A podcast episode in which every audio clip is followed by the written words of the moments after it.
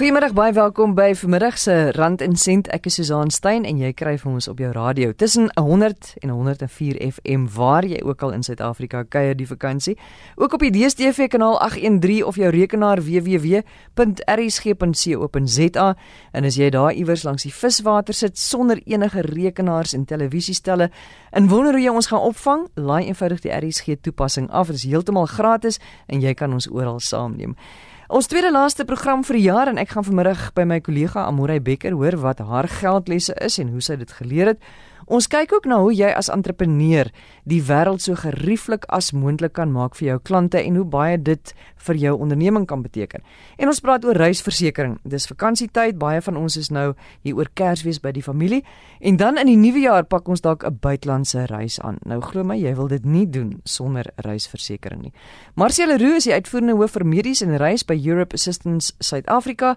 En Marcia, wat sê julle wie moet almal reisversekering uitneem? Susan, ek dink dit is belangrik dat enige persoon wat reis, of dit nou plaaslik is en of dit oorsee is, wel reisversekering uitvat. Die rede daarvoor is, jy weet baie mense sien dit as 'n wrok aankope, maar ons kan nooit bepaal wat met ons in 'n ander land kan gebeur nie. En dit is nogal skrikwekkend wanneer jy in 'n vreemde land is en jy het 'n mediese of 'n sekuriteitsgeval wat jy moet doen. So dit is vir my kardinaal dat enige individu wat wel reis, definitief kyk om om reisversekering uit te neem. Is daar spesifieke lande waar 'n mens reisversekering moet uitneem of meer moet uitneem of minder moet uitneem? Dit hang regtig af van die uh, reisversekeraar. Ek sal sê vir enige land is dit belangrik. Jy kry jou hoë risiko lande waar daar meer van 'n sekuriteitsperspektief af onrus kan wees, maar ook sekere lande het nie die toegewende mediese sorg ook nie. So dit hang regtig af waar jy waar jy heen reis. As jy na eerste wêreld lande toe reis, sal jy partykeer dink, weet jy wat, dis nie nodig dat ek reisversekering vat nie, maar wie gaan die koste dra? En dit is altyd wat die antwoord op afkom, is het jy die kontant en die finansiële stand sou iets met jou gebeur het in daai land om dekking daarvoor te hê. En dit is waar mediese en sekuriteitsversekering wat gekoppel is aan jou reisversekering vir jou baie belangrik begin word. Ja, want jy weet as jy siek raak in 'n ander land, as jy iewers in Europa siek raak en of enige land eintlik en en miskien het jy 'n helikopter nodig, jy gaan miskien ski en jy breek jou been en jy het 'n helikopter nodig om jou te kom haal in die berg. Ons praat van nie net 'n miljoen of so rand nie, dit kan maklik 10 of meer miljoen rand kos, kan dit nie? Dis absoluut reg. Net 'n evakuasie of 'n repatriasie terug na jou land toe kan oor 'n miljoen rand kos. En vandag se lewe, ek dink dit is baie belangrik dat ons liewerste daai versekerings agter ons het, want ek dink nie enige van ons reis met sulke tipe geld nie. En ongelukkiglik as jy um, nie 'n plaaslike woner van daai land is nie, gaan daar 'n vereiste wees dat jy wel vooraf die koste van daai kondisie of um, situasie moet dek. Is daar verskillende soorte versekerings wat jy kan uitneem as jy gaan reis? Jy weet of is dit een pakket of kan jy byvoorbeeld uitneem vir as jy sou siek word of as jy jou bagasie verloor of as jy ontvoer word of wat ook al? Meeste versekeraars dek 'n hele um, komplete pakket in hulle versekeringspakket. Dit sal insluit jou mediese versekering, jou noodmediese bystanddienste, sekuriteitsbystanddienste en dan ook die gewone reisdienste sou jy jou bagasie verloor op die lughawe of jou paspoort word gesteel, daai tipe bystanddienste is gewoonlik standaard, maar sekere versekeraarsmaatskappye bied addisionele dienste ook, afhangende waar jy sal gaan en wat jou behoeftes sou wees spesifiek vir daai reis. Waar neem 'n mens reisversekering uit? Want gewoonlik as ek gaan reis, dan dink ek altyd dis ek weet jy koop jou vliegtuigkaartjie met jou kredietkaart en dan hmm. kry jy outomaties uh, reisversekering. In meeste gevalle is dit so. Afhangende van watter eh, kredietkaart jy gebruik, is daar 'n gekoppelde reisversekering aan dit. Andersins wat jy kan doen is jy kan een van die reisversekeraars um, bel. Daar is 'n redelike goeie mark in Suid-Afrika en my raad sal wees wanneer jy reis en jy jou kaartjie boek om te verseker met jou reisagentskap om met hulle te bevestig is daar reisversekering gekoppel, deur wie is daar reisversekering gekoppel en dat jy wel die dokumente kry sodat jy self ook kan verkennis met wat jy wel gedek voor is. As jy sommer self al jou reisplanne self doen, En jy koop dit met jou kredietkaart dan kan jy net jou bank bel want dan is daai versekerings deur jou bank word dit gereël nê. Nee. Dit is ook korrek. So afhangende waardeur jy jou kaartjie en jou hele reis mee beplan daai instansie sal vir jou kan sê of jy wel reisversekering het en baie keer sal hulle vir jou ook die opsie gee of jy wel as jy wel wil reisversekering hmm. uitneem. Hmm. En jy kan selfs deur hulle ekstra reisversekering uitneem. Ja, definitief. Ja. Dit is ook beskikbaar deur hulle. Hoe beskerm of dek reisversekering jou as jy byvoorbeeld in 'n land is waar daar wat skielik deur 'n orkaan getref word of waar daar politieke onrus is en jy moet dalk die land verlaat? Hoe dik reisversekering jou dan? Uh reisversekeraars het 'n voordeel wat hulle noem politieke en natuurlike rampe. Daarin ingesluit is evakuasie en alternatiewe akkommodasie tydens hierdie tipe ramp. Nie alle versekeraars dek dit nie. Juist die die feit dat 'n reiser definitief seker moet maak dat dit wel deel deel vorm van dit. So jy sal dekking hê vir daai tipe rampe sou dit gebeur. Hmm. So ek dink dit mense dit is belangrik dat 'n mens moet weet waarheen jy gaan, wat moontlik met jou daar sou kon gebeur. So sê nou maar jy gaan ski, dan is daar 'n moontlikheid dat jy jy weet kan seer kry op 'n ski helling.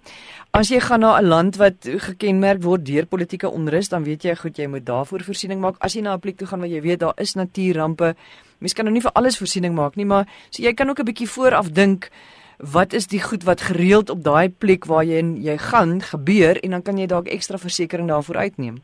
Mees definitief. En dit is so belangrik dat al sien ons dit baie keer as 'n wrok aankope, dit kan regtig jou lewe op die einde van die dag red.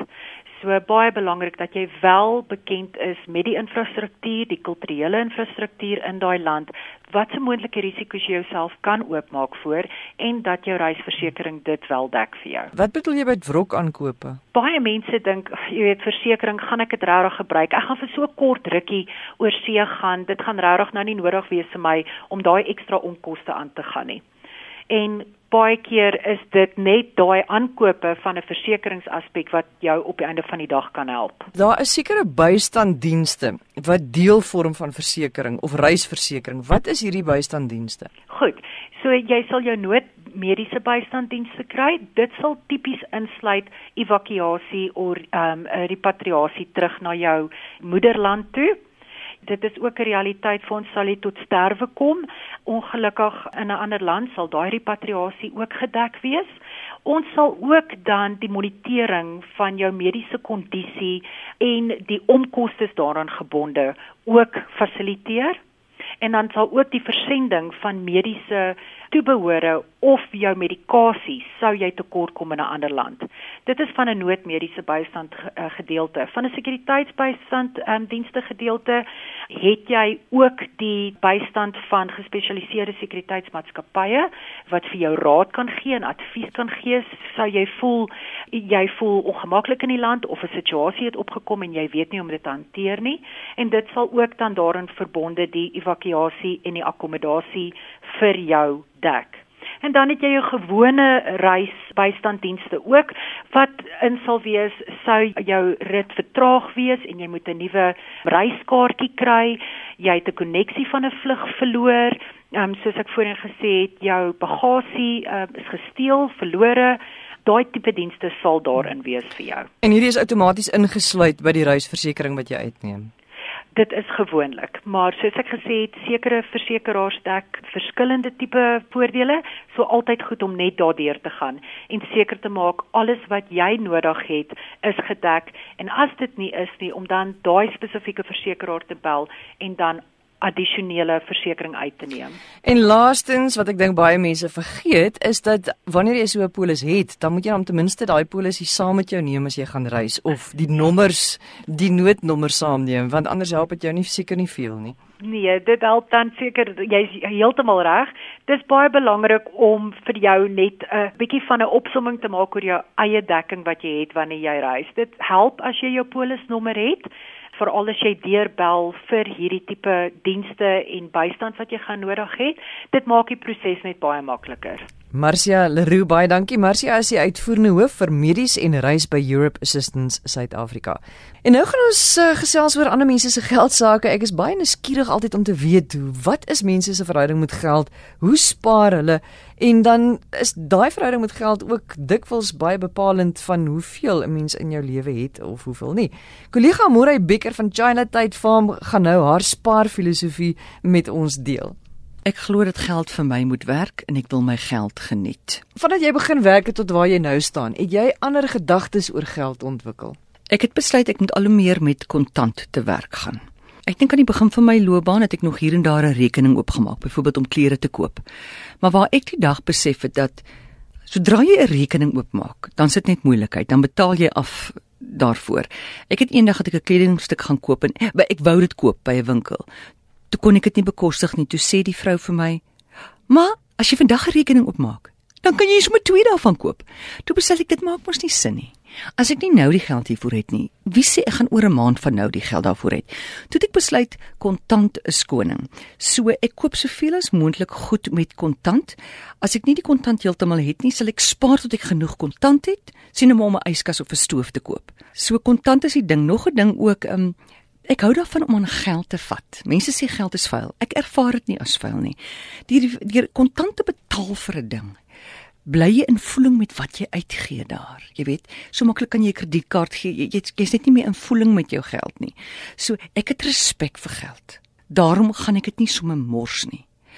Ek dink ek het ook vroeg in my lewe besef, kyk ek het drama studeer en ek het gou besef ek gaan dalk nie altyd 'n gereelde inkomste hê nie en ek het ook gedink ek gaan dalk nie eendag trou nie, so ek moet na myself kyk. So een van my eerste werke wat ek gehad het, was ek 'n kelnerin by 'n restaurant. En daai dag het ek sommer al 'n polis gaan uitneem. Laat ek net ietsie vir myself begin te bewaar dit was 25 jaar gelede. Nou kon ek na al hierdie jare het ek nou die dag daai polis ingegee dat ek daai geld kon gebruik eh, om op 'n sabbatreis te gaan nou op 52. Jy weet dit ek het nodig gehad. Maar wat ek met daai geld gedoen het, ek het dit losgemaak en ek het gesit in my lening by die bank, my lening wat ek het vir my huis. En dan daaruit gevat soos ek dit nodig het. Maar probeer nog steeds om so min as moontlik daarvan te gebruik. Maar ek glo dat 'n motor is nie 'n belegging nie. So, ek koop altyd vir my 'n tweedaanse motor. Ek hou daarvan om dit sê maar dit in die platteland te koop want die plattelandse handelaars af jou sê ek ken nou die eienaar van hierdie was tannie Kotie en ja. ek weet sy het haar kar goed bestuur. So gelukkig, ek wil so min as moontlik geld op 'n motor spandeer. Ek glo kyk kry vir jou veilige motor as jy moet platteland toe ry dat jy as jy engine nodig het, hulle sal vir jou op 'n Sondag 'n engine kan insit, so kry vir jou 'n motor wat elke tweede mens daar buite bestuur.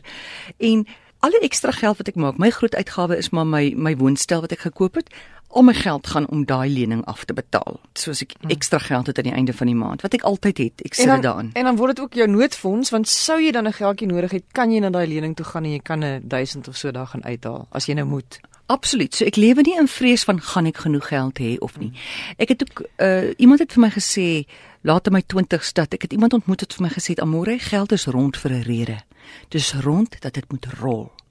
So ek het ook nou al gesien 'n mens wat baie geld het, daar's mos hierdie persepsie hulle synig. en en as jy synig is, is jy nie 'n gelukkige mens nie. So jy moet jou hand oop hou.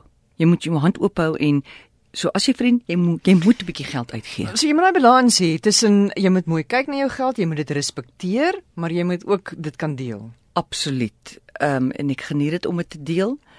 En uh geld is nie my alles nie. Ek meen my grootste uitgawe is is kos en my woonstel wat ek afbetaal. Eh, waar jy geleer van spaar? Ek meen wanneer wa, kan jy jou eerste spaarlesse onthou wat jy geleer het? Ek kan onthou dalk dat in die 70s ek dink dit my pa eendag by die huis kom met hierdie spaarbussies onthou jy wat jy dan gooi jou 1 rand muntstukke hier in 50 sent daar in so aan. Maar dit het nie eintlik 'n groot verskil in my lewe gemaak nie. Ek ek dink dit het my ek ek weet nie Susan dis net ek het net begin te toe ek die dag besef dat ek gaan drama studeer ek gaan dalk enkel wees vir die res van my lewe ek net besef dan moet ek logies wees. Daar gaan nie 'n twee salarisse wees in my lewe nie. Ek ek moet net eh, logies wees. Nog 'n ding as jy Ja nee, hier's soveel paradokse wat ek nou insien, maar byvoorbeeld as jy kyk na jou sente, dan gaan die rande ook na hulle self kyk.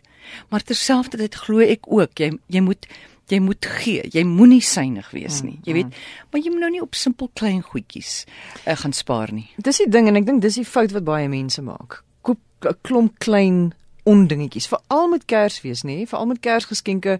Ek moet nou vir iemand iets koop, so nou gaan koop jy 'n klomp klein nonsensies. Ek glo daaraan, jy spaar eerder en jy koop een goeie ding in 'n jaar. Absoluut. Of jy gee vir mense dit wat geld nie kan koop nie. Nog 'n ding wat ek geleer het in my lewe. Jy koop nooit vir 'n ryk mens 'n persent nie. Hulle het oorgenoeg in hulle huise. Jy kan tog nie vir hulle koop wat hulle gaan beïndruk nie. Vir 'n ryk mens skryf jy 'n gedig, hang wat hulle belangstelling is. Of jy koop vir hulle 'n baie mooi appel wat jy sien in 'n winkel, 'n blink appel. Hulle gaan dit nooit vergeet nie, want wie is wragtig so voorbarig om vir 'n ryk mens 'n blink appel te gee vir hulle verjaardag? Maar selfs nie eens net 'n ryk mens nie, enige iemand. Jy weet, ek glo aan funksionele geskenke ook. Maar Susan, baie mense voel Baie mense, o, die ryk mense het my genooi vir hulle verjaardag. Nou moet ek hulle beïndruk, jy weet, met 'n persent. Ek het pelle wat lenings aangaan om vir ryk mense persente te koop, man. Nonsens, jy gee hulle die mees eenvoudige ding wat daar is. Nog 'n ding wat ek ook agtergekom het. Jou emosionele binnelandskap het 'n direkte invloed oor hoe jy geld spandeer. Ek het al gesien kere wat ek 'n uh, nie so goed voel oor myself nie, koop ek dinge wat ek nooit andersins sou gekoop het nie. Maar as ek die dag goed voel oor myself, dan het ek nie veel nodig nie. Hoorie, maar voel jy nie ook nou dat 'n mens begin ouer raak, het jy eintlik al hoe minder nodig behalwe dat ek glo aan minimalisme. Jy het nie meer nodig om te gaan koop om jou te laat goed voel nie, want jy weet dit help in elk geval nie. Dis so waar. Ek het besef hoe gelukkiger jy is, hoe minder het jy nodig. En ook 'n hoogtepunt van my lewe was 4 maar jare wat ek gehad het waar ek nie gereelde inkomste gehad het nie. En daar het ek gesien dat ek kan met so min klaarkom en dat jy altyd genoeg gaan hê vir vandag. Jy gaan altyd genoeg hê vir vandag. En nou dat ek al regtig arm was, nou lewe ek net met soveel meer vryheid, want dit was tog nie so erg nie. Hmm. As iemand na jou toe kom en sê Amora, het jy een spesifieke filosofie of het jy een spesifieke stuk raad vir my vir 2018? Hoe moet ek my geld hanteer? Wat moet ek doen? Ek het nie geld nie. Wat moet ek doen? Ek sou sê, werk aan jou binneste. Hoekom het jy nie geld nie? Waaroor voel jy nie goed nie? Wat dink jy van geld? Respekteer jy enigsins geld? Kyk wat hier binne jou aangaan. Want dit sal na buite so uitspeel. Nog 'n ding wat ek in my lewe geleer het en dis nou nie oorspronklike gedagte nie, maar Gary Zukov wat die boek geskryf het Seat of the Soul het gesê Die grootste besluite in jou lewe is nie wat 'n werk jy gaan doen of jy gaan trou eendag, wat 'n motor jy gaan koop of wat 'n huis jy gaan koop nie. Hy het gesê die grootste besluite in jou lewe is wat jy dink van die lewe. Byvoorbeeld, as jy dink daar is genoeg liefde. As jy dink daar's genoeg geleenthede, daar's genoeg geld, dan sal dit so wees vir jou. Maar as jy dink dat daar is net nooit genoeg geleenthede nie, nie genoeg geld nie, dan sal dit ook so wees vir jou. So jy het eintlik 'n invloed oor hoe jou lewe gaan wees. So kry jou gedagtes reg oor geld. Wie daar weet daar is 'n oorvloed en hoekom het jy nie hierdie oorvloed in jou lewe nie? Ondersoek liewer dit. Baie dankie Amorey Becker vir die insaag in haar geldsaake. En ek wil ook graag by jou hoor. Wat is jou geldgeheime? Wat is die foute wat jy al in jou lewe gemaak het met geld en die lesse wat jy daar uitgeleer het? Stuur vir my 'n e-pos Susan@rsg.co.za. Dis S U Z A A N by rsg.co.za. Ons sluit nou af met Kobus Engelbregt, hy is die bemarkingshoof van Sanlam Besigheidsmark. Ons praat oor gerief aan ons klante. Hoe kan ons dit te alle tye verseker? Kobus, hoekom is dit so 'n belangrike ding? Ons lewe almal vandag in 'n wêreld wat baie duur op ons tyd is. So daarom is dit vanuit 'n tydperspektief is gerief so belangrik vir enige kliënt van 'n besigheid. Want as jy jou kliënt kan help om sy lewe makliker en eenvoudiger te maak en jy het 'n oplossing daarvoor dan het jy 'n besigheid. Dit was maar altyd iets gewees deur die hele geskiedenis van entrepreneurskap en van besigheid dat mense gerief vir klante wou verseker. Dis nie net iets wat nou skielik meer aandag kry nie. Dit is definitief so. Ek meen as ons nou maar net so 'n uh, klompie jare 50, 60, 70 jaar terug dink, dink jy aan 'n jong man op 'n fiets wat ja goed kom aflewer by jou ma se huis. So ja, gerief vir kliënte is nie 'n nuwe konsep nie. Goed, nou hoe gaan jy seker maak as 'n entrepreneur of eienaar van 'n sakeonderneming dat jy altyd gerief aan jou klante kan verseker? In die eerste plek moet jy weet wat is die definisie van gerief vir jou kliënt. want dit wat ek en jy nou kan as as gerief beskou is dalk nie wat jou kliënt wil hê nie. So gaan vind eers uit wat is gerief. En hoe bepaal jy dit? Wel jy jy gaan moet jou teikenmark baie goed ken en jy sal moet uh, praat met jou teikenmark en jy sal dalk moet 'n uh, opname doen onder jou kliënte. Sê nou maar byvoorbeeld jy het 'n haarsalon en jy kom agter dat op Saterdag is jy verskriklik besig. Jy kan Saterdag aand tot 9uur toe oop bly want daar's altyd kliënte, jy jou besprekingsboek is vol maar hier deur die week gaan daar niks aan nie. So dan gaan begin vra jy vir mense nou maar hoekom kom jy op 'n Saterdag? Dan gaan ek vir jou sê ek moet soggens so laat opstaan en dan moet ek my kinders by die skool gaan aflaai. Dan gaan werk ek, dan kom ek terug huis toe, dan moet ek my kinders gaan oplaai, dan moet ek kos maak by die huis, dan moet ek die kinders help met huiswerk en dan moet ek die kinders in die bed sit en dan dan het ek nou tyd vir haar salon toe gaan. Maar dan is dit nou 9uur of 8uur in die aand en dan is jou plek toe. So dan sal die as jy genoeg belangstelling kry, dan maak jy jou salon deur die dag toe. Jy maak hom vanaand 6uur oop en jy werk in die nag en jy slaap in die dag. Dan verseker jy dat jou kliënte kry gerief want jy gee vir hulle presies wat wat hulle wil hê om na jou haarsalon toe te kom op 'n tyd wat hulle pas, nie 'n tyd wat jou pas nie. En so kan jy dit op enige besigheid van toepassing maak, maar jy moet by jou kliënt uitvind wat is sy definisie van gerief en dan moet jy aan daai uh, behoefte voldoen. Want dit is soos hulle sê bemarking 101, vind uit wat is die behoefte en bevredig daai behoefte, dan jy 'n besigheid. Ek is seker aanlyn aankope, dit is hoekom dit so goed vaar, want jy kan in die gerief van jou huis sit terwyl jy of op kantoor, terwyl jy werk, het jy gou-gou kan jy gou-gou 10 minute neem, gaan aanlyn en en jy doen jou inkopies en jy weet dit word vir jou afgelewer. Nee, dit is beslis so, maar alles kan natuurlik ook nie aanlyn of alles werk, alle produkte werk nie so goed vir aanlyn verkope nie. Jy weet as jy uh, byvoorbeeld 'n kledingstuk uh, wil koop en jy wil voel aan daai materiaal, dan gaan jy dit nie reg kry met aanlyn verkope nie. Die ander ding is ook weer as die produk nou moet afgelewer word Uh en hier kom jy nou weer by daai by die verdere stappie van daai geriefsaspek. Daai besigheid sê vir jou hy lewer af van 8 tot 5 in die dag. Maar van 8 tot 5 in die dag is daar niemand by jou huis nie. So daai ene gaan ook nie werk nie. So as jy as 'n besigheidseienaar aanlyn wil verkope wil doen, sal jy aan daai aspekte ook aandag moet gee. Die beste manier om dus uit te vind wat vir jou spesifieke klante gerief beteken is dis om 'n soort marknavorsing te doen. Dit is heeltemal reg. Dis die die uh, groot woord daarvoor, maar dis presies wat dit is. Jy moet marknavorsing doen sodat jy weet, wel in eerste plek moet jy weet wie is jou teikenmark en dan moet jy uitvind wat presies is dit wat daai teikenmark wil hê in terme van gerief Wat is jou teikenmark se definisie van gerief? Wat is volgens jou met al jou ervaring oor die jare in besigheid, wat is volgens jou, wat was volgens jou die beste plan wat iemand ooit gemaak het ten opsigte van gerief vir klante? Wel, ehm um, ek dink hierdie die voorbeeld wat ek sopas gemaak het van om 'n diens te lewer wanneer dit mense pas om daai diens van jou te verbruik soos byvoorbeeld 'n motor herstelplek wat in snags mense se karre diens. Ja, hulle kom al jou kar by die huis diens die kar in die nag en môreoggend as jy moet werk toe gaan staan jou kar reg om uh, te gaan. Dis die eerste ding wat in my kop kom maar as waarskynlik nog beter voorbeelde. Ek dink ook dis baie moeilik om iets as die beste want uh, dit gaan die beste wees in wiese oë. So wat ek eintlik maar daardeur probeer sê, daar's soveel geleenthede. Uh, jy moet net van soek daarvoor. Kobus Engelbregt, baie dankie. Hy is die bemarkingshoof van Sanlam Besigheidsmark. Dis die einde van ons program. Onthou jy kan weer gaan luister na Rand en Sent, die gesprekke op potgooi op ons webtuiste www.rsg.co.za. My e-posadres susan@rsg.co.za. Jy spel dit S U Z A A N. Ek wens al ons luisteraars wat Kersfees vier 'n baie geseënde tyd toe. En as jy iewers heen moet ry, doen dit asseblief versigtig. Ons praat volgende Sondag middag 5uur weer. Totsiens.